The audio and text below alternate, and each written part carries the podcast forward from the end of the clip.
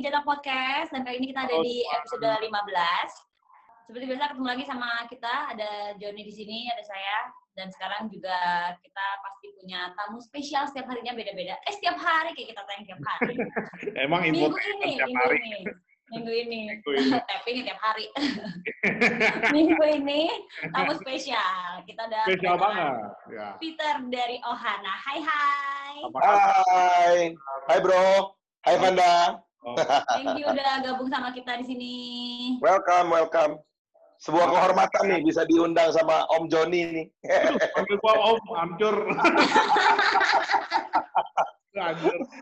Jangan panggil om dong, bro. Di sini di sini panggilannya harus bro. Halo. Bro, oke bro. Jangan panggil om, bro. Ampun gue. Ini thank you banget ya, bro, bro. Welcome bro.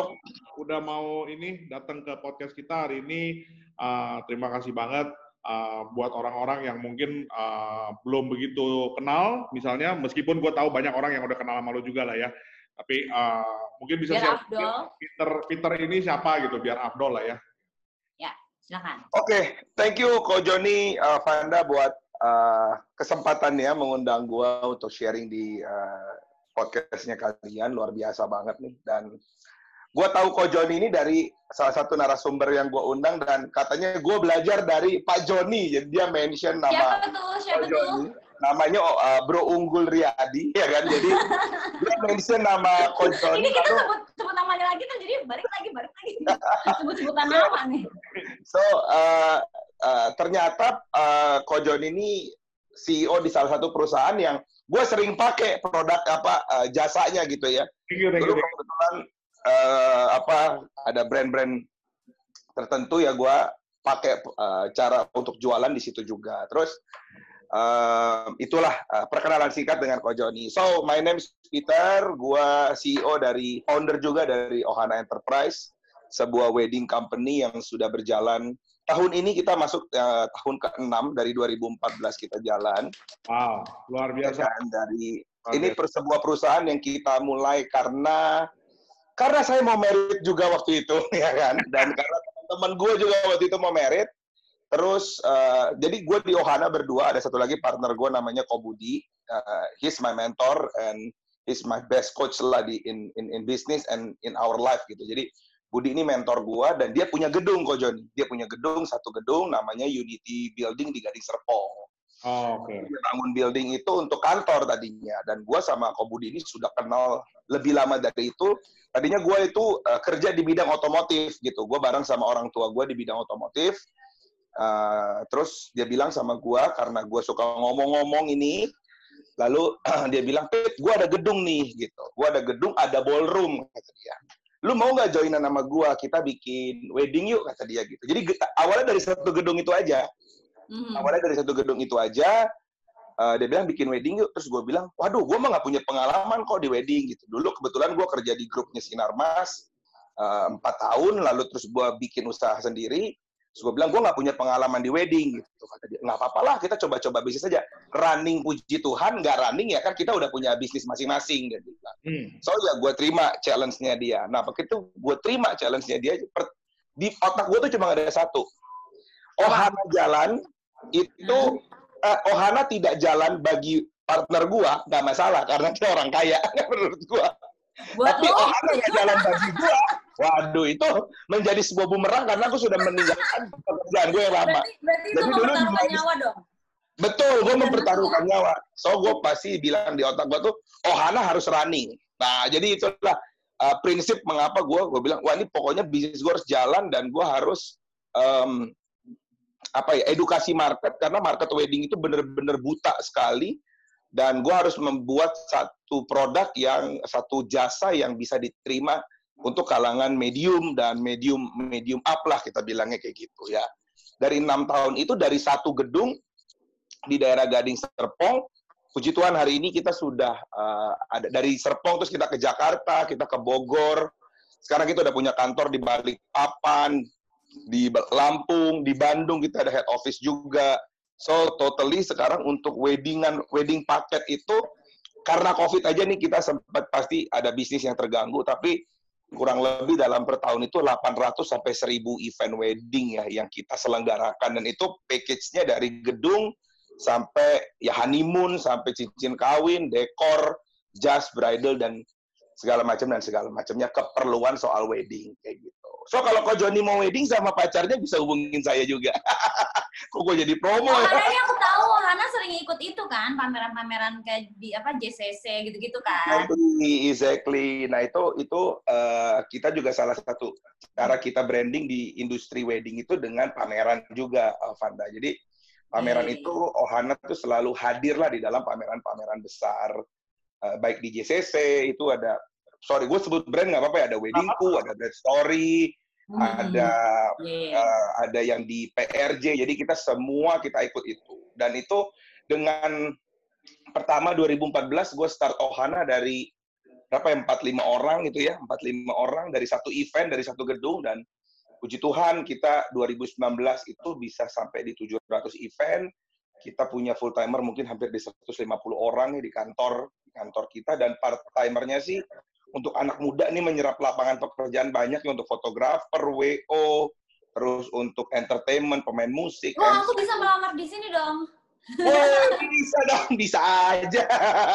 Itu bisa mencapai eh ribuan orang lah kalau untuk menyerap tenaga kerjanya ya karena catering, dekor dan segala macam. Dan per hari mungkin hanya kita di di Indonesia ya kita bilang kita yang bisa menyelenggarakan satu satu hari itu lebih dari 20 event kok Joni. Jadi semua pemain wedding tuh selalu menjual bahwa uh, gua tuh satu hari satu event. Itu semua di wedding itu seniman. Jadi gua masuk ke dalam satu industri yang seniman. Orang wedding itu kayak kayak barbershop. Gua maunya digunting sama si Peter. Jadi selalu oh, menggunakan iya, iya, iya. Cocok-cocokan. Kayak teman-teman gue juga gitu. Uh, perancang baju Yefta Gunawan yang dijual Yeftanya. Yang dijual uh, dekorasi ya ada namanya Nevi ya Nevinya. Tapi Ohana iya, iya gua sama Budi waktu kita start Ohana kita bilang kita nggak mau jual uh, jual nama. Gua nggak mau jual nama Peter Organizer. Gua nggak mau jual nama Budi. Gua mau jual sistemnya.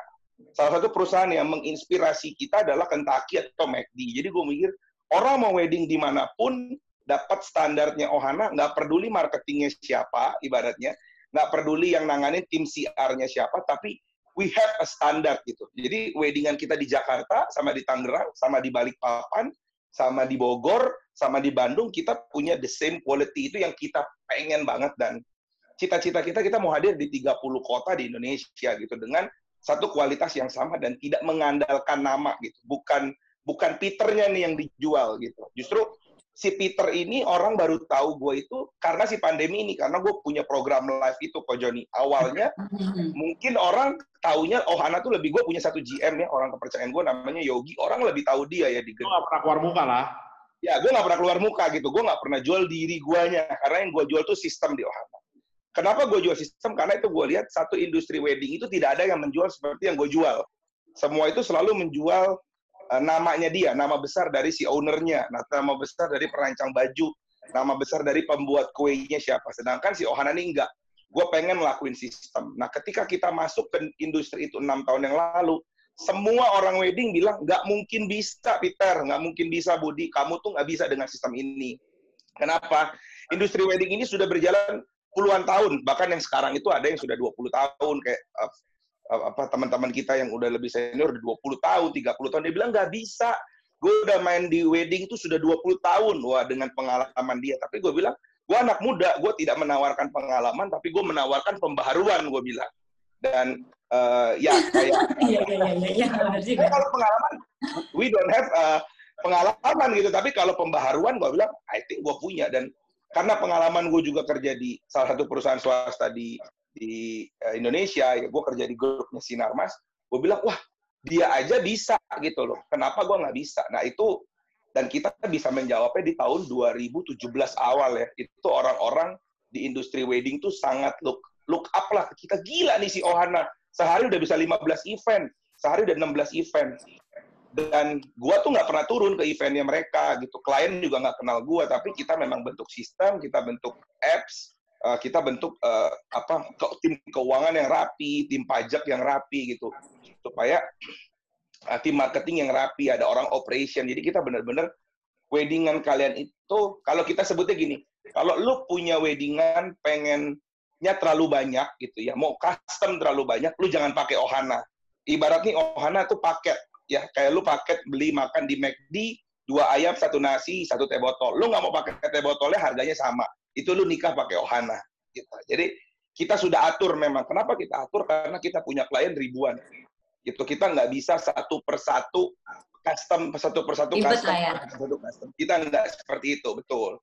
Jadi kita memang jual sistemnya dari Ohana itu. Kurang lebih begitulah. Kayak sekarang kan udah enam tahun nih, terus kan dulu katanya nggak punya basic kan dari ya. Sinarmas terus ke otomotif terus tiba-tiba ke wedding. Lu di tahun pertama atau event pertama lu uh, ada ketakutan apa gitu? Kalau ketakutan gagal mah pasti biasa lah ya. Hal ya. yang paling lu takutkan apa gitu? Oke. Okay. Dua, jadi kita mulai 2014. Kalau kita jualan hmm. wedding itu nggak langsung jualan hari ini, bulan depan event kan nggak. Misalnya orang hmm. wedding itu paling cepat tuh empat bulan lah persiapan 4 sampai 8 bulan. Jadi ketika gue jual di 2014 itu kita 2015 tuh kita event. Jadi hmm. ketakutan kita tuh Van hari itu tuh gue masih turun masih bantuin tim lah ya. Ketakutan gue tuh kayak dekor nih misalnya dekorasi. Kok jam jam dua pak dua subuh baru kepasang segini Wah, kok belum kelar? Sedangkan jam 7, jam 7 pagi sudah ada holy matrimony. Jadi nggak nih? Tapi vendor-vendor waktu itu ya ngebantu gua. Tenang aja kok Peter, pasti jadi kok. Kan kita udah iya, pengalaman. Nah, untungnya gue pakai vendor yang yang sudah pengalaman lah saat itu gitu. Jadi udah tenang aja. Jadi kita nggak bisa tidur setiap ada event wedding tuh kita nungguin gitu ya. Dekor udah jadi apa belum? Terus nanti kan kalau dekor itu apa kalau orang wedding kan jam 4 subuh tuh tim foto video udah mesti datang ke rumah hmm. uh, bride and groom kan untuk make up dan segala macam. Hmm. Kita teleponin takutnya fotografer kita ketiduran gitu. Jadi ya itulah parno-parno seperti itu yang, ya, parno, parno. yang ada dalam 20 sampai 30 event pertamanya Ohana lah gitu. Tapi cepet dong kalau 20 30 event doang terus setelah itu lu udah ngerasa setelah itu, bisa melepas gitu. Setelah itu kita memperbaiki sistem, Bu. Karena jadi jadi setelah itu kita tuh taruh satu orang di setiap venue tuh untuk dia report ke grup. Jadi gue oh, tuh punya orang. iya, jadi ada orang QC-nya kita lah di lapangan gitu. Ya haruslah. Betul, kalau enggak kan kita nggak tidur-tidur juga. iya juga, biarpun nggak datang tetap aja parno-parno juga. Meskipun nggak datang kan masih kontekan dari handphone, waduh capek juga. Tapi uh, habis 30 event karena gue bilang uh, gue punya mentor, jadi gue punya partner namanya Pak Budi uh, Ko Budi ini dia uh, memang dia udah mulai bisnis udah jauh lebih lama dari kita dan dia udah ngerti si patternnya. Makanya gue bilang gue tuh jalanin Ohana kalau banyak orang wah lu hebat tepit di usia 30 lu uh, Ohana dan puji Tuhan orang-orang sekarang tahu Ohana gitu ya. Tapi gue pikir juga uh, apa yang gue dapetin sekarang itu karena gue punya partner yang memang sudah mulai dulu dari bisnis gitu. Misalnya contohnya gue memang kuat di dunia marketing gitu ya. Gue bisa eh, nge-branding sebuah perusahaan gue, gimana memarketingin ya. Tapi si partner gue, si Pak Budi ini, dia pintar untuk gimana sih ngatur cash flow kantor gitu ya. Ngatur uh, pajak kantor tuh bagaimana, bikin sistem tuh gimana. Jadi ketika ada kolaborasi yang tepat antara kedua owner ini, gue bilang gue dan Ko Budi, makanya gue bilang, Ohana tuh bisa cepat berkembang. Jadi menurut gue sih begitu. Karena Kenapa kita Budi punya... pilih lo sebagai partner? Kan lu bilang dia mentor lu udah sering banyak usaha gitu-gitu. Ya. Jangan lu Jadi kenapa uh, dia pilih gua? Kenapa ya? Mungkin karena um, kenapa ya? Kenapa ya? Ntar gue lagi. Apa kita tanya Pak Budi sekarang? Oke, okay, jadi kenapa Budi pilih gua? Menurut dia waktu itu gua gua masih muda yang pertama. Gua masih 24 tahun waktu itu Jadi, dan semangatnya gua, masih membara gitu kali ya? Semangatnya masih ada gitu. Belum menikah waktu itu dan pasti punya punya banyak waktu yang cukup. Punya banyak waktu. dan dia dia melihat pengalaman gua waktu um, ini bukan sombong lah ya ini kan dibuka di podcast jadi nggak apa-apa di sini emang tempatnya ria jadi nggak apa-apa. Gua dulu 24 uh, 23 dua, dari umur 22 sampai 24 gua kerja di grupnya jadi kita tuh masukin barang ke Sinarmas masukin barang hmm. jadi gua kerja sama anaknya Pak Eka juga jadi grup to grup lah ya. Itu uh, dari perusahaan ini udah mau udah omsetnya paling kecil gue pegang dua tahun itu itu kita masuk ke empat besar di Sinarmas waktu itu untuk vendor pupuk dan oli. Jadinya uh, orang-orang tuh look up lah sama gue di situ. Hmm. iya sampai waktu itu tuh bos gue tuh nggak ngasih gue untuk keluar gitu untuk untuk bikin usaha sendiri.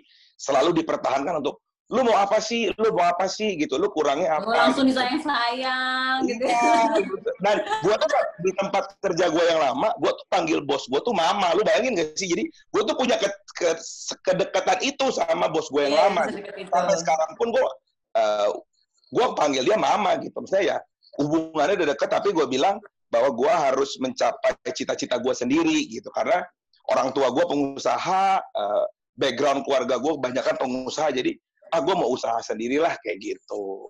Dan Hmm. ya si Komudi itu akhirnya offering. Sebenarnya udah udah offering dari lama sih. Tapi dulu gue pikir ah masa gue joinan sama temen nanti ribut nanti berantem nggak enak. Dan waktu gue 22 tahun sampai 20 24 tahun tuh pertama mau merintis Ohana nih Ko Joni Vanda. Dulu kan kita kan sebagai owner ya pasti digajinya sangat kecil lah. Karena ini perusahaan Hmm. baru belum ada income belum ada keuntungan.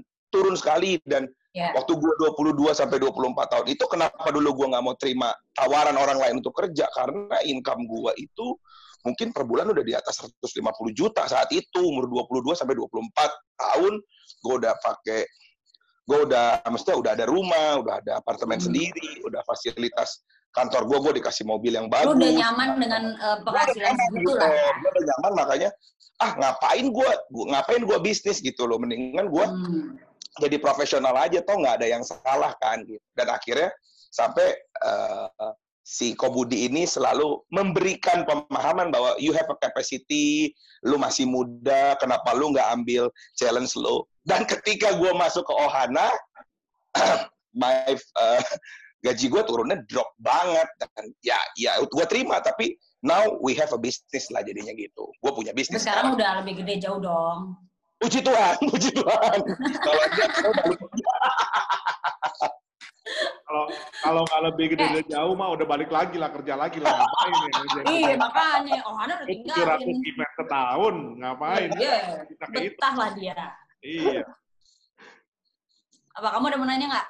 Iya, jadi uh, so ini kan menarik ya. Jadi kalau lu dengerin lu cerita itu um, salah satu uh, pasti kan lu jalanin di awal-awal itu satu yang tadi ya ketakutan yang mungkin lu uh, ada gitu ya. Yang kedua pasti ada di satu titik juga lu berasa bahwa why am I doing this right? Uh, apakah ini sesuatu yang mesti gua kerjain? Kenapa gua ngerjain begini? Uh, kenapa gue jadi sekarang kok kayak orang jadi ngurusin beginian begitu? Itu pernah nggak terjadi ke lu gitu dan lu ngerasa bagaimana caranya supaya lu bisa bisa ini ya? Bener, bener, bener. Bisa tetap bertahan menjalankan proses itu gitu. It's like why I, I mean sometimes you might think like why am I doing this shit right? Basically kan kayak gitu kan. Oke. Jadi pertama kali gue pikir dunia ini kok, sorry ya gue bukannya menghina dunia ini, tapi kebanyakan kalau laki-laki turun ke industri wedding biasanya dia kurang laki-laki, biasanya, biasanya. Jadi itu stigma orang lah tentang industri wedding, misalnya. Ya. Dan I'm a real man gitu loh, gue nih laki-laki, laki banget. Gue suka nge-gym, gue punya teman banyak, gue orang nongkrong. Begitu gue decide masuk ke industri wedding, orang tuh bilang lu nggak salah. Nanti personal branding lu gimana, Pit? Ibaratnya gitu. Maksudnya orang tahu lu dulu kebetulan gue juga ikut-ikut lah waktu kuliah tuh ikut elemen, ikut kompetisi-kompetisi body fitness gitu meskipun sekarang gemuk ya.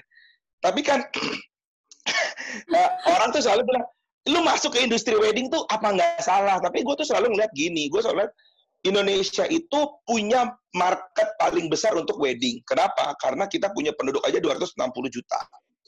Ya, 260 juta. Di Jakarta, waktu gue 2014 masuk ke industri wedding, Jakarta aja setiap tahunnya itu menyelenggarakan 300 ribu sampai 400 ribu resepsi di Jakarta. Jadi eh, Jakarta Barat, Jakarta Selatan, Jakarta Timur, Pusat itu setiap tahunnya 300 ribu itu di luar Tangerang, di luar Depok, di luar Bekasi. Jadi gue lihat gue bukan melihat wedding is eh, menurut gue sebagai passion gue bukan, tapi gue melihat wedding ini sebagai market yang besar. Satu bisnis yang menurut gue nggak mungkin mati. Semua orang tetap nikah. Ibaratnya semua orang tetap lahiran, semua orang Iya, tetap iya, iya, menikah, bener, bener, tetap bener, bener. meninggal. Ini satu industri yang eh, tidak akan mati dan matinya. tinggal bagaimana gue mengolahnya.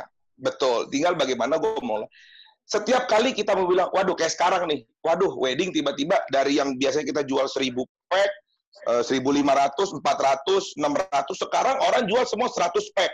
Tiba-tiba jual 30 pack untuk 30, holy matrimony atau untuk akad saja. sempat kita kadang-kadang aduh apa kita cari another bisnis gitu tapi kok gue tetap meyakini diri gue dan tim gue bahwa hey bro lu tuh tetap ada dalam satu industri yang meskipun packsnya kecil meskipun weddingnya lebih intimate lebih lebih small gitu ya tapi tetap wedding tetap ada gitu dan sebuah industri yang nggak mungkin mati gitu. dan itu yang menurut gua gua akan selalu oh iya ya kenapa gua harus tetap fight di industri ini bukan karena passion tapi gue melihat karena ini ada ada market yang besar gitu. Jadi kalau orang tanya sama gue, Pit, lu bekerja berdasarkan passion lu nggak? Kalau passion gue nge-gym. Olahraga, betul. Tapi gue tahu di di olahraga gue nggak bisa dapat duit banyak. Dan di sini gue bisa berkarya, ya, gue bisa menghasilkan uang dan gue bisa menjadi uh, membuka lapangan pekerjaan, terutama ini untuk anak-anak muda. Karena kalau lu tanya anak-anak muda sekarang di kampus, lu mau jadi apa? Mungkin udah jarang pertanyaan, eh, gue mau buka toko, gue mau buka toko spare part, mungkin udah jarang. Mereka banyak kan, ah gue mau jadi WO ah, ah gue mau jadi ya, fotografer. WO, Yes, hmm. gue mau jadi desainer, itu banyak banget. Dan jadi kita mempekerjakan mereka. Mau jadi YouTuber, bro. Mau jadi YouTuber, terutama itu banyak banget. Dan ya karena uangnya ada dari YouTuber banyak. gitu. Iya.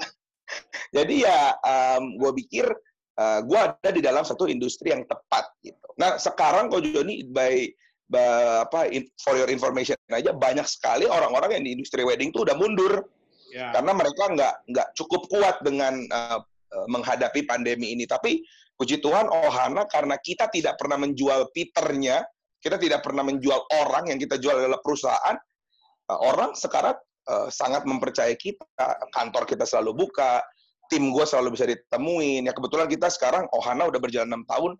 Kalau ada apa klien-klien yang tadinya dia mau seribu terus mau dijadiin 100 pack, mau dijadiin 200 pack, mau dijadiin lebih kecilin, gue punya juga tim ada operational director kita yang siap ketemu sama mereka untuk untuk bahas weddingan mereka juga. Jadi uh, kita jual memang company-nya si Ohana-nya yang dijual, brand-nya yang dijual. Jadi orang kalau mau kenapa sih gue mau beli sama Ohana? Karena mungkin tidak pernah klien tuh bayar ke kita, kita tidak datang di event gitu. Kalau yang lebih bagus, saya rasa semua orang tuh punya bagus dan jelek itu relatif lah. Tapi ya, kalau lu bilang prestasi kita, kita nggak pernah mengecewakan klien sampai kita nggak datang. Kita eventnya sampai dekorannya tidak terpasang, cateringnya nggak datang, tim fotonya nggak datang, fotonya nggak jadi, itu sama sekali tidak pernah. Jangan sampai lah.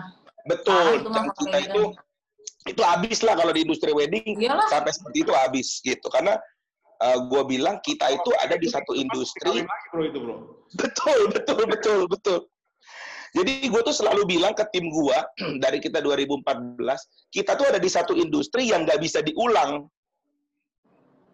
ya. nah itu yang gue bilang kita tuh mesti uh, salah boleh tapi salahnya sebelum event ya Yeah. Oke, okay, misalnya uh, misalnya marketing, kita satu marketing pegang 100 klien, kurang lebih segitu. Lalu marketing di, di, di chat balasnya lama, misalnya klien komplain nih ibaratnya. Oke okay lah, uh, itu lu salah, nggak apa-apa, tapi salah di luar event. Begitu event, kita nggak kita harus zero mistake. Kenapa? Karena kalau meeting, misalnya gue jual paket meeting, oh meetingnya gagal nih, proyektornya nggak nyala. Ya udah kita kasih komplimen minggu depan meeting lagi ya saya kasih. Nah ini minggu depan kawin lagi. Nah ini nggak bisa. Kita ada di satu industri yang nggak bisa diulang dan industri ini sakral. Bukan hanya melibatkan bos-bos ya, tapi ini melibatkan orang tua, ada ya, keluarga. ada pihak keluarga yang kalau lu fail di resepsi, kalau lu fail di akad nikah, kalau lu fail di pemberkatan, omongannya tuh, waduh, itu ngeri banget. Ini udah harga diri keluarga yang dibawa. Betul, betul. Dan kita tuh nggak bisa, kita nggak bisa fail pas event. Makanya itu yang selalu kita bilang, kita ini uh, satu industri yang apa ya harus harus perfect ya ngerjain perfect di event kesalahan di, di sistem dan segala macam pasti ada tapi begitu event berlangsung kita tuh udah harus bener-bener semua tuh checklist lah kayak kita punya checklist tuh kayak kue itu mesti datang kue pengantin tuh mesti datang jam berapa terus sound system mesti dipasang jam berapa itu semua kita udah ada punya SOP-nya kalau enggak sehari 30 event di kota yang berbeda-beda, kalau kita nggak punya sistem, pasti berantakan. HP lu nggak berhenti bunyi lah kalau kayak gitu, bro. Nah, puji Tuhannya kok, puji Tuhannya. kalau begitu screw up 30 event kejadian satu hari sih benar-benar lu punya handphone habis baterai buat geter doang itu. nah, jadi diangkat itu. Jadi gini kok di, eh, di tahun ke kedua 2018 Ohana ini benar-benar sudah dikelola oleh tim profesional. Jadi ginilah, ini gue ngomong jujur aja nih, hanya di podcast ini nih gue ngomong jujur. 2014, 2015, 2016, 2017 tuh gue masih pegang kendali banget lah. Dan gue jujur nih ngomong, gue nggak bisa bayar orang mahal untuk kelola perusahaan ini, gitu lah ibaratnya. Karena kan kita harus rugi, kita masih merintis. Tapi di 2018, gue sudah banyak pakai orang-orang profesional. Contohnya kayak operation director gue sekarang, dia itu dulu uh, usianya udah 56 tahun. Ini orang profesional gue. Dia dulu itu uh, direktur operasional di Adira, Adira Motor. Gitu. Jadi sekarang kita udah tarik ke Ohana. Jadi tahun 2018 tuh bisa dibilang tuh turning turning back-nya Ohana tuh kita banyak menggunakan profesional-profesional yang yang yang apa ya? Yang yang capable lah untuk mengurusi itu, betul. The expert in their field. Betul. Jadi untuk guanya itu gue sedang gue lebih memikirkan karena gue masih muda, gue memikirkan gimana sih branding Ohana tuh semakin semakin dikenal oleh anak-anak kampus. Kalau itu itu itu tugas gue. Kenapa kami setelah yang akan, yang akan menjadi customer lu sekitar 5 sampai 10 tahun yang akan datang. Betul, Jadi, betul, betul. Ini dari awal kenal sama lu. I think that's betul. I think that's the same thinking of many uh, e-commerce business sekarang juga. Ya tahu kayak Facebook kan juga orang-orang yang kenal Facebook sekarang udah mulai tua kan. Nah, Instagram juga at one point it will be like that. TikTok at one point it will be like that gitu kan. Jadi Facebook kegeser Instagram, Instagram mulai kegeser sama TikTok, at one point it will be shifted again. So same thing. Betul kok. Betul, betul. Jadi gua tuh sekarang untuk operasional, untuk pameran dan segala macam kita juga udah ada GMS semua udah udah running by profesional. Tinggal kita nih sebagai ada ada dua owner gua sama Budi kita tinggal atur bahwa oh Ohana Uh, kita minta tahun ini kita buka di lima kota di kota ini ini ini ini. Paling nanti untuk operasionalnya sudah mereka yang sudah mereka yang running sekarang. Jadi lu benar-benar cuma set the vision aja lah di depan lah ya. Betul betul. Kebetulan Jadi, saya cukup satu tahun ini gua target mesti ada misalnya seribu event gitu kan. Itu kan kayak gitu lah set the target. Atau kita harus hadir tambahan lima kota besar uh, ini ini ini gitu kan. Lo set the direction basically. Betul kok betul. Jadi saya saya set directionnya aja, lalu tim karena juga gini, kalau di Ohana ini ada yang muda sekali, ada yang tua sekali di sini, sudah benar-benar old school. Jadi ya eh, kita, me, gua tuh ada di tengah-tengah. Jadi yang 20-an, 22 tahun, 23 tahun dengan ide gilanya mereka, ide-ide TikToknya nih generasi TikTok, dengan generasi yang mereka sudah sangat mature, umur 56, 57, ya kita, gua nih di tengah-tengah untuk bisa mengapa ya, mengakomodir dua ide inilah ibaratnya gitu. Menjembatani lah, the facilitator on the melting pot ya, melting pot. Terus lo ini kan tadi kan kita ngobrol panjang ya. Jadi pandemi juga pasti salah satunya wedding ya yang uh, kena impact lah. Termasuk gue lah sebenarnya lah ya. Uh, jadi uh, lo gimana gitu meng mitigate itu ya basically ya? Oke. Okay. Jadi ini kok yang first dulu kalau sebagai kita kan pengut awalnya nih UKM nih kok usaha kecil menengah awalnya ya. Jadi oh, sekarang lu udah nggak UKM lah. ini awalnya jadi usaha besar eh ya. enterprise, enterprise business lah. Eh, jadi jadi pertama kali kita pandemi itu yang pertama kali mesti kita atur kan manajemen aset ya kok. Ibaratnya itu yang gue diajarin lah.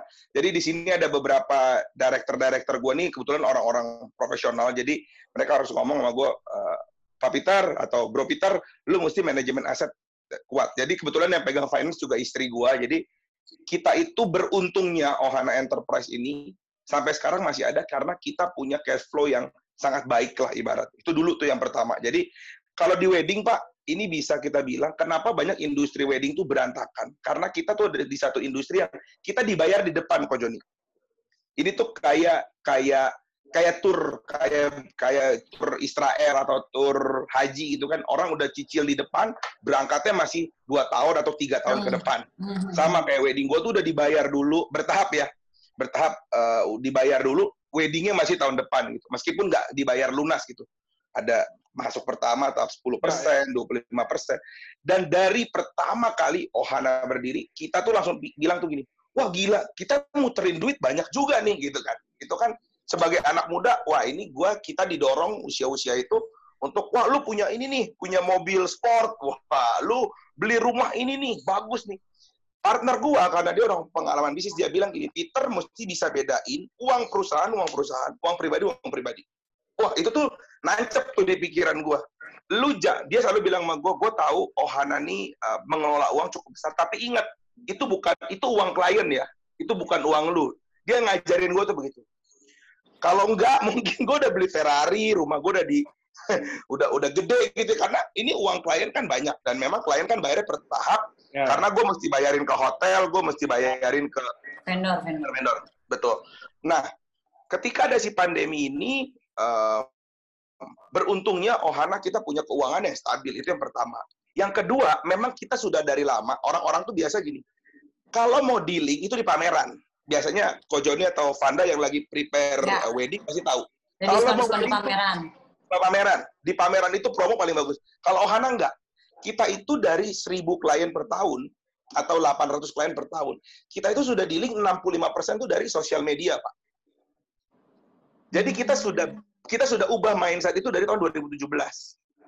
Oh, jadi kalau lu mau dealing di pameran sama dealing di hari biasa, kita lebih menekankan bahwa dealing di hari biasa itu pasti lebih bagus. Kenapa? Karena dealing gini, pameran itu setahun itu 300 hari, eh 30 hari. Kita kita ikut 10 pameran. Tapi kalau hari biasa itu ada 360 harus ada 330 hari tanpa pameran. Otomatis kita ngepus, kita bikin-bikinin event lah. Kayak ngopi cantik, kita punya kantor di Puri, kita ada coffee shop. Lu mampir dong ke coffee shop kita, bisa dealing di sini. Nah, itu yang seperti itu sudah kita sudah kita buat. Jadi dengan adanya si pandemi ini memang sales kita turun lah. Turun 70-an 70-an persen gitu. Tapi di bulan Juni, Juli gitu kan orang yang mempersiapkan wedding di September, Oktober, November, mereka sudah sudah DP DP lagi gitu untuk wedding order meskipun dari tadinya yang mungkin dia DP 1000 packs dengan harga Bisa. 400 juta, 300 juta, sekarang cuma 100 pack harga 95 juta. Karena nggak bisa. Buat kita nggak apa. Gitu. Itu kan karena peraturan, bukan karena betul. dia. Betul, betul. Karena peraturan memang satu ballroom besar itu hanya diperbolehkan untuk 15 sampai 20 persen. Nah kayak gitu. Jadi uh, untuk itu sih kenapa gue bilang Ohana masih survive sampai sekarang dan kita punya satu community kok setiap bukan mantan ya kita sebut orang-orang yang sudah menikah dengan Ohana kita tuh kayak kemarin kita launching hotel. Ya udah nih, klien-klien Ohana gue kasih uh, nginep gratis di hotelnya grupnya kita. Jadi kita tuh mengentertain si klien kita. Nah, jadi terus kita kayak misalnya ulang ulang tahun pernikahan dia satu dan kedua kita masih kasih gift loh. Sometimes kita kadang-kadang kasih gift-gift uh, apa kagetan untuk orang tuanya. Kenapa? Karena orang tuanya masih punya anak lagi. Nanti kalau dia mau wedding, Ya, kalau kita mau bilang, oh Hana apakah sekarang harganya paling murah? Kita bilang kita udah enggak. Untuk kompetitor masih banyak yang harga yang murah. Tapi orang beli Ohana bukan karena murah, karena mereka percaya sama kita dan mereka ya udahlah sama Ohana aja beda-beda 10 15 juta. Kenapa lu pasti pakai yang lain? Kantornya jelas. Udah pernah ngurusin event koko lu, udah pernah ngurusin event cici lu. Jadi nah. kita udah dalam satu industri bisnis wedding yang tidak perang-perangan harga lagi. Sedangkan hari ini teman-teman gua semua di industri wedding itu mereka yang biasa jual 20 juta mungkin bisa jual 7 juta setengah kok. Sedangkan kita enggak. Puji Tuhannya kita oh klien tahu lah uh, meskipun kita ada pengurangan tapi kita tidak sampai sejauh itu dan klien cukup tahu bahwa ya udahlah gue pakai Ohana karena satu gue nggak mau pusing dan dia tahu kredibilitas kita. Dan itu yang gue rasa wah gila jadi thanks God banget gitu. Kita udah mempersiapkan ini bukan bukan mempersiapkan saya kita sudah bikin ini dari jauh-jauh hari lah kayak orang tuh dealing dari sosial media aja dari chatting-chattingan WhatsApp orang udah bisa dealing kayak gitu. Ini ini satu yang poin menurut gua dari sisi bisnis itu sangat menarik sekali. Kenapa ya uh, apa yang gua tangkap di sini ada dua ya sebenarnya. Uh, satu uh, lu itu uh, mencoba kan tadi kan kita, kita bilang kan something yang sangat customized yang sebenarnya sangat uh, relationship based uh, dan sangat personal lu bikin jadi barang komoditas.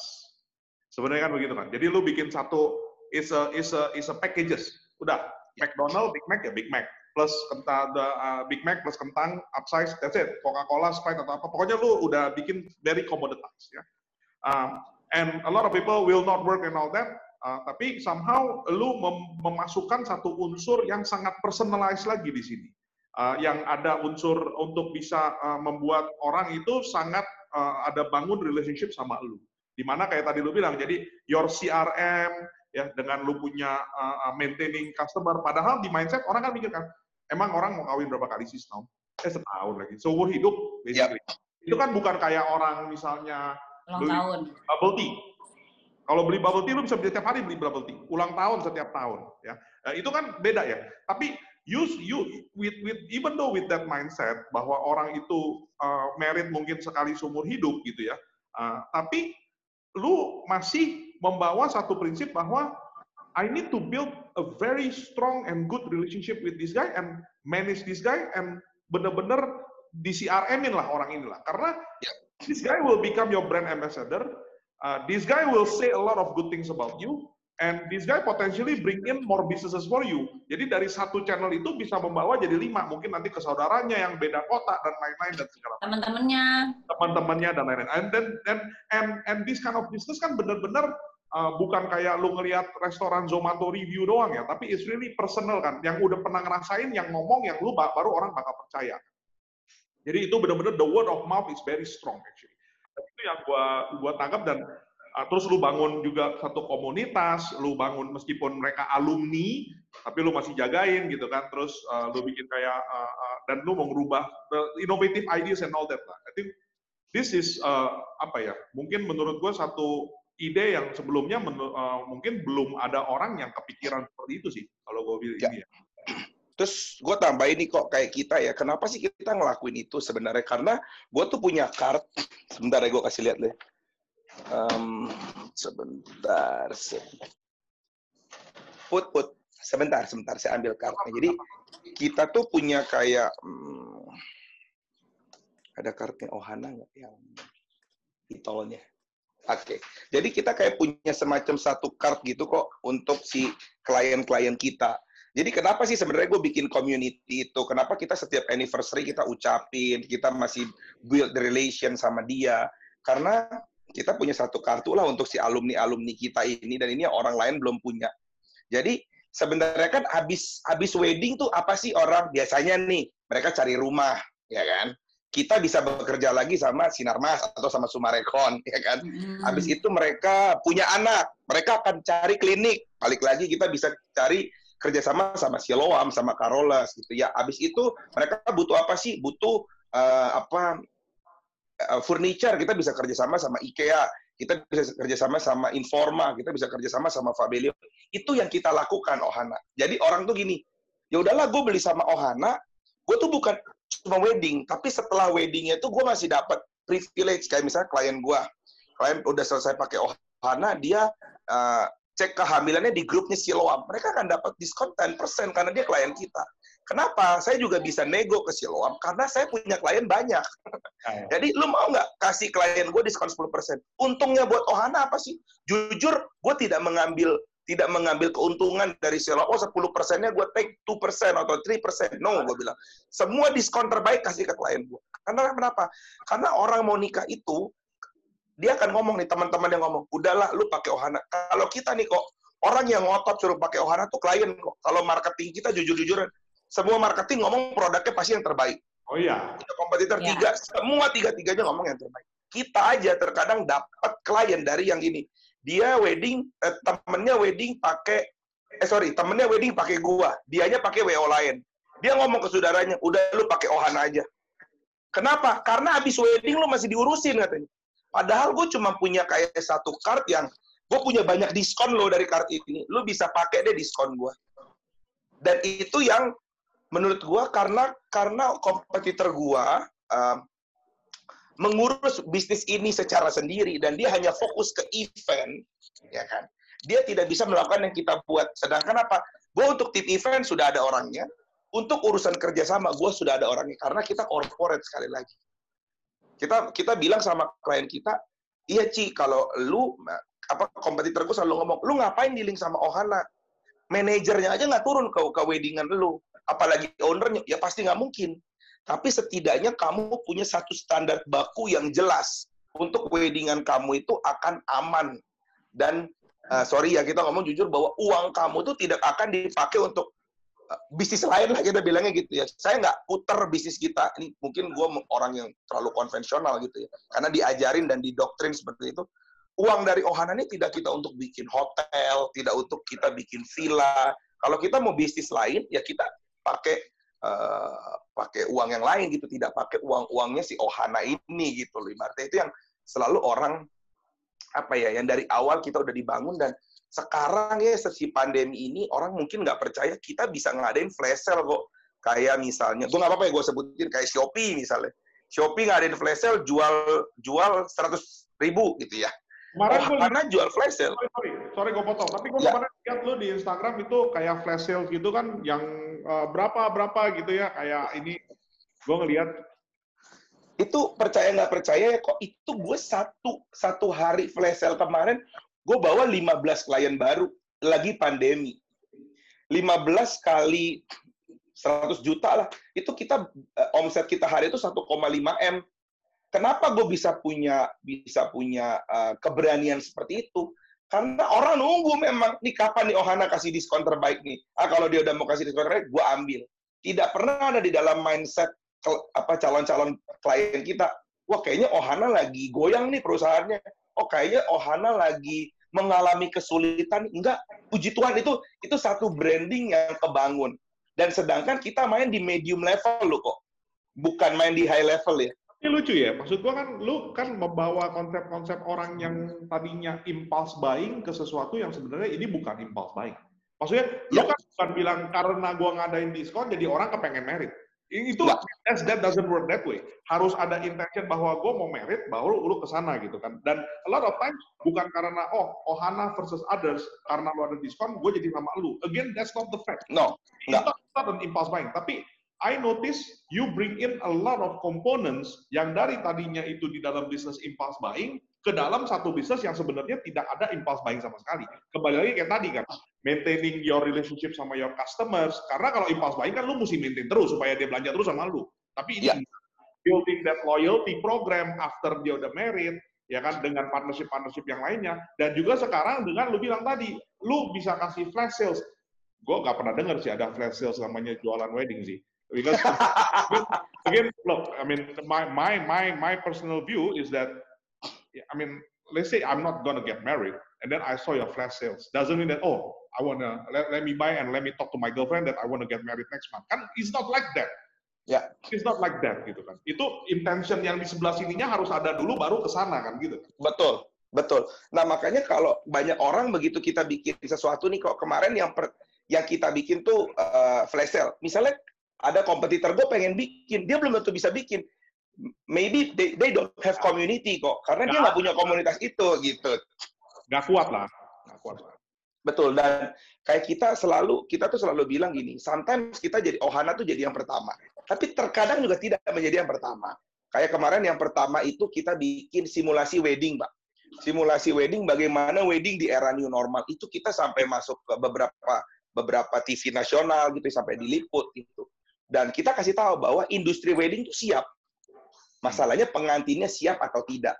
Building nah, tapi lah. You, you need to build that confidence. Betul, betul. Jadi gua gua membangun kepercayaan diri si pengantin bahwa lu ke pasar aja berani, lu ke mall aja berani, apalagi lu ke hotel untuk melaksanakan wedding. Dan kita tahu semua hotel sudah melakukan protap gitu. Ya. Tapi kita bilang bahwa weddingan sekarang ya jangan kayak dulu lah bisa ribuan-ribuan orang ya sekarang memang lu mesti small karena kita selalu punya tagline gini lu bisa apalagi kita juga ada paket pemberkatan lu bisa tunda untuk untuk pestanya tapi lu tidak bisa tunda untuk janji setia sehidup semati lu di depan di depan Tuhan dan uh, dan jemaatnya. Lah kita ngomongnya kayak gitu lah kurang lebih. Oke. Okay. Panda mau nanya apa lagi Panda? Hmm, nanya apa ya Menurut lu kayak gini bakal sampai kapan? Kalau dari prediksi sisi yang punya uh, penyelenggara gitu. Dari penyelenggara sih kita kalau semua teman-teman kita nih kan wedding ini asosiasinya banyak sekali. Uh, ya dari semua tim ini sudah bilang sudah ngadu ke DPR dan gubernur segala macam ya. Tapi kalau dari gue sih gue akan melihat wedding yang normal tuh start di 2021 akhir itu kita baru normal kalau menurut gua. Dan dan tidak banyak wedding company atau tidak banyak tim yang siap untuk itu. Sure. Gitu. Dan mereka 2000 jadinya 2021 memaksakan untuk akhir loh. orang wedding. Yes. Karena habit orang lah sekarang ibaratnya kita ngumpul berdekat-dekatan saja orang worry kan ibaratnya. Iya Apalagi di sih. dalam satu tempat uh, banyak orang gitu. Jadi ya mungkin di 2021 akhir kalau sekarang tuh mungkin orang nikah dari 30 orang terus nanti naik lagi ke 80, naik lagi ke 150, mungkin akan ada peningkatan sampai di 2020.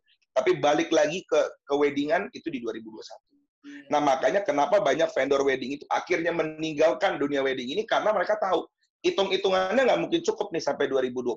Dan kenapa gue bilang gue tetap survive sampai 2000. Kita udah bikin planning. Kalau kayak gitulah. Yes, betul. Napasnya nggak sampai nih kalau bahasa gampangnya. Kalau kita Ohana kita siap sampai 2021 akhir. Kenapa? Karena kita sekarang sudah sudah apa ya? Sudah membuat paket juga yang related dengan sekarang lah yang 30 packs, yang 50 packs. Kita mau tidak mau, suka tidak suka harus ke situ juga gitu. Oke. Oke. Oke, Ko Joni, sorry saya boleh nambahin sedikit nggak? Ini yang saya mau jelasin sedikit. Boleh, boleh. Mungkin kalau nanti Boleh. orang dengar podcastnya, kira orang tahu.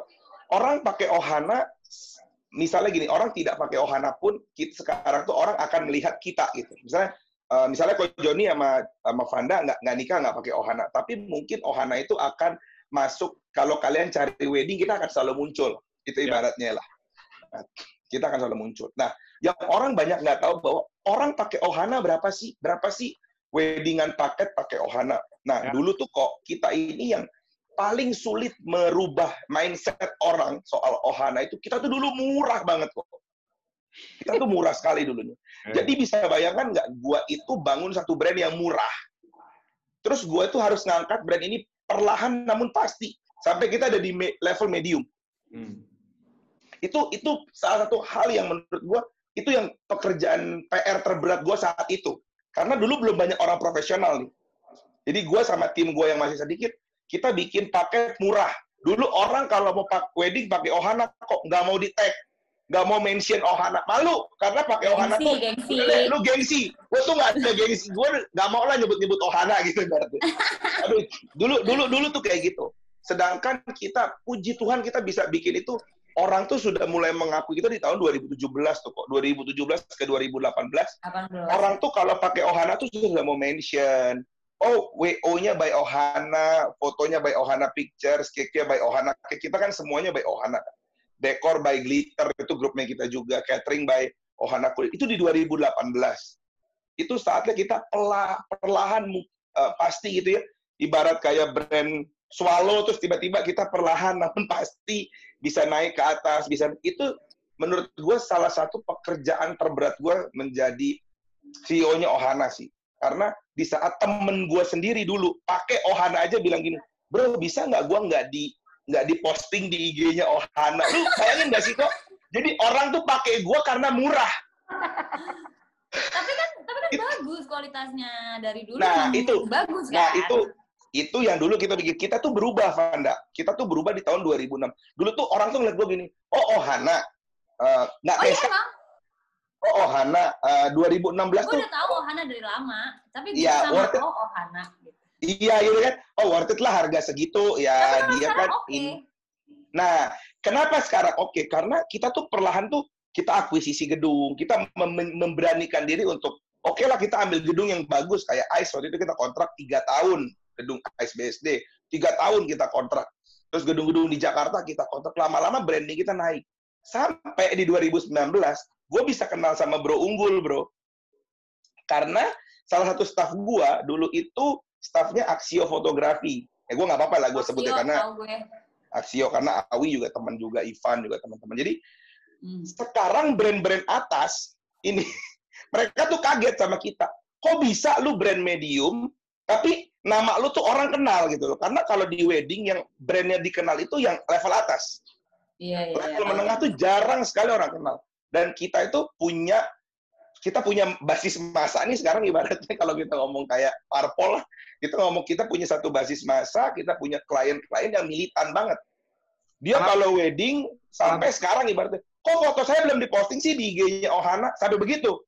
Kok review gue belum diposting sih di di reviewnya Ohana.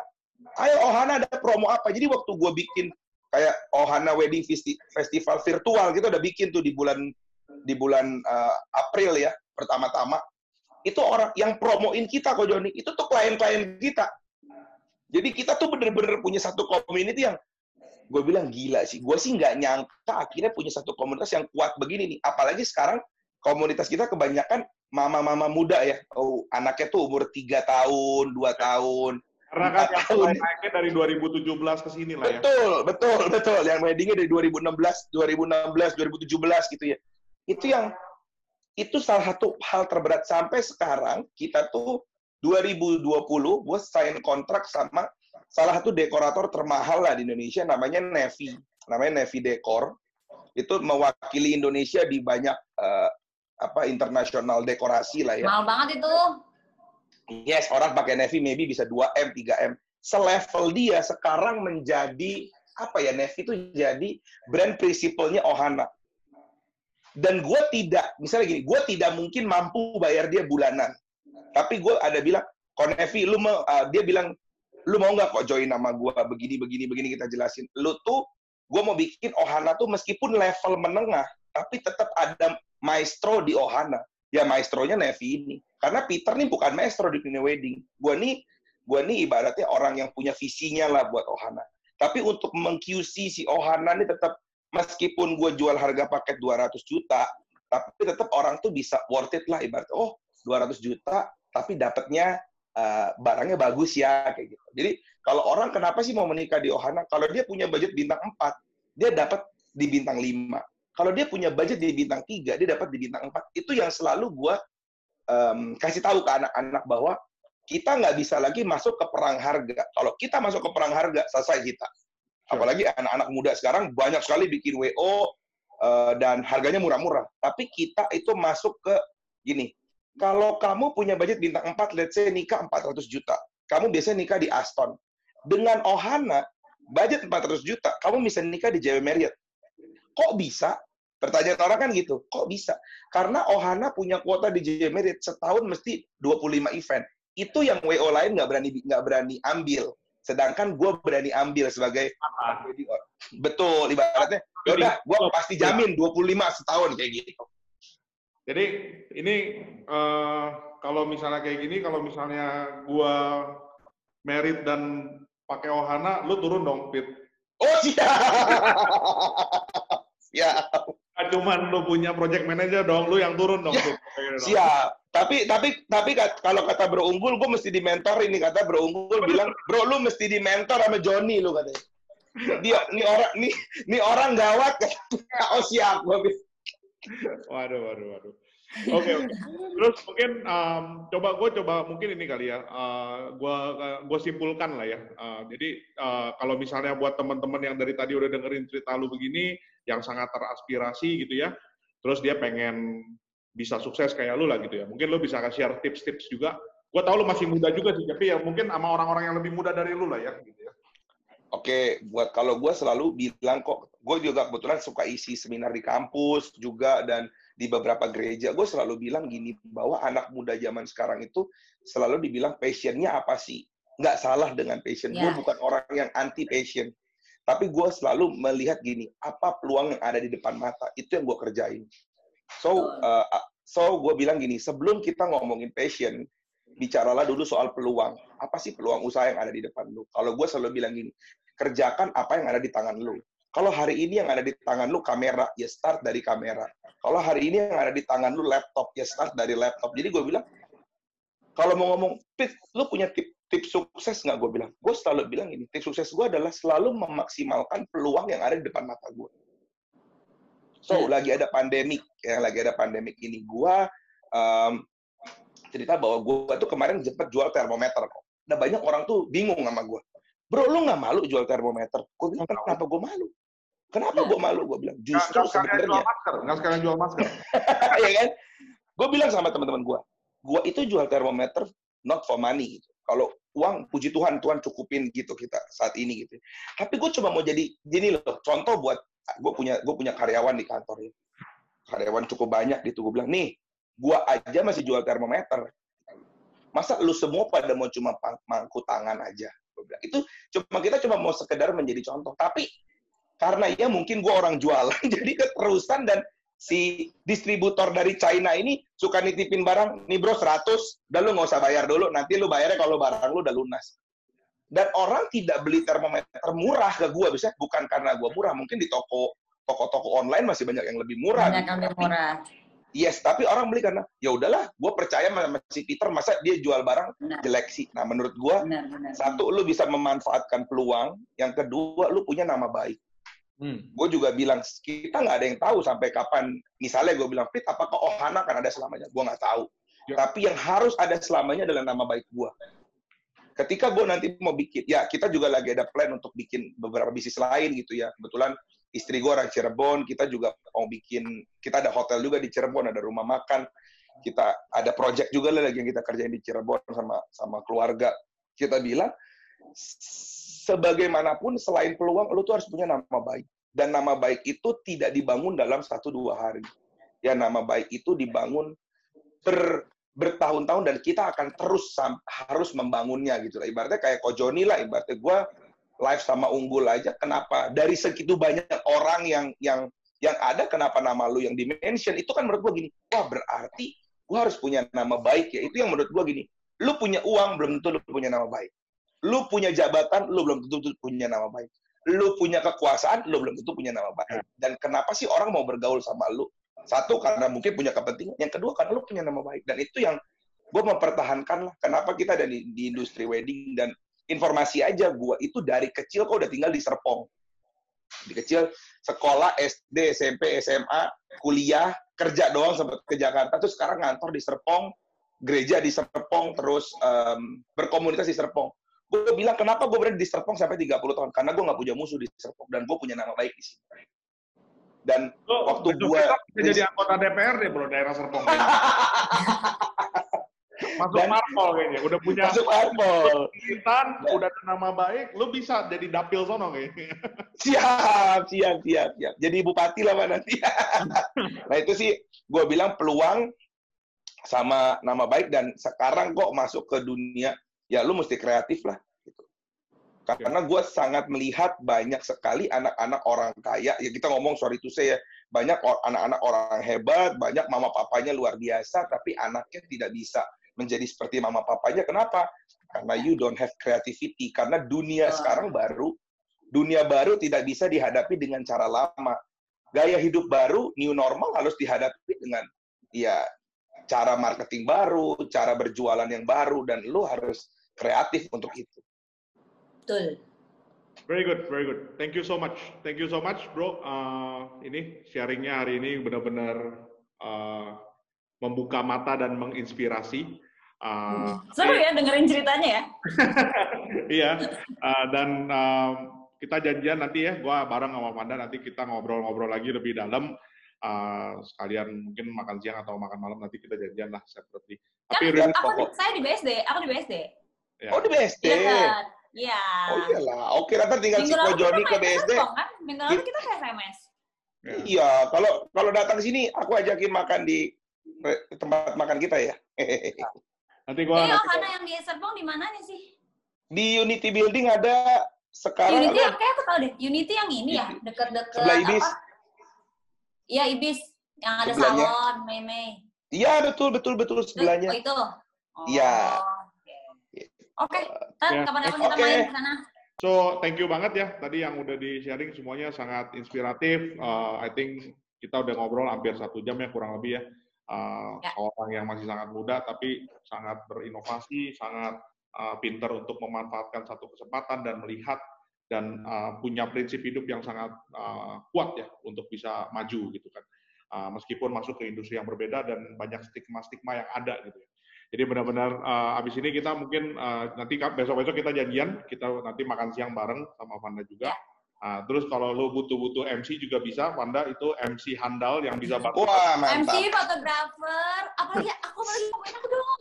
Iya, MC handal kalau lu acara-acara gitu boleh digabungin juga itu. boleh dong itu sinergi. Iya, bener-bener. Terus mungkin kita juga bisa ngobrol-ngobrol. uh, siapa tahu kita berjodoh ya kalau misalnya nanti. Kan kalian nanti mau tukeran, tukeran kan kamu jadi di eh, tempatnya Peter. narasumbernya Uh, Iya. 9 September kan? Enggak ya, tapi Iya. Bener. Eh, nanti kalau misalnya ini mungkin juga kalau seandainya ya, pada saat gue mau merit, kalau kita berjodoh sama Ovana, kita bisa ngobrol-ngobrol dan lu pasti yang turun. iya juga. dong siap dong Oh, Karena biasanya Peter nggak pernah turun. Nanti kalau misalnya kita, Oh, Peter turun harus ini. Turun kapal. saya yang turun langsung dan harus ada special diskon flash sales oh katanya. pasti kalau itu gua nggak pasti dong Kalau itu gue nggak ikutan, sorry. So anyway, uh, buat pendengar semuanya, thank you so much. Ya. Jadi ini uh, di episode yang ke-15 ini mungkin kita uh, episode yang terakhir untuk season 1. Uh, kita akan close dulu, kita break. Uh, tapi jangan takut, uh, um, I think dalam waktu dekat juga kita akan keluar lagi dengan season yang kedua dengan tamu-tamu yang lebih seru lagi. Uh, penutupan yang sangat uh, heboh dari uh, Bro Peter ini. Jadi jangan lupa ya uh, teman-teman untuk pada Untuk subscribe, untuk like, share, dan juga kalian boleh banget komen mungkin mau request eh, temanya selanjutnya apa, eh, bintang tamunya siapa, silakan request aja. Atau mau titip pertanyaan juga boleh. Kalau misalnya malu atau takut atau apa, bisa langsung ke DM juga boleh, DM Instagram ya. Pokoknya bebas semuanya. Sekali lagi terima kasih eh, ada udah ngobrol-ngobrol bareng. YouTube, di Spotify, di Anchor, di Instagram. Ya. Ya. Oke, thank you so much. Sampai ketemu Sampai lagi. ketemu lagi. Dadah! Nah.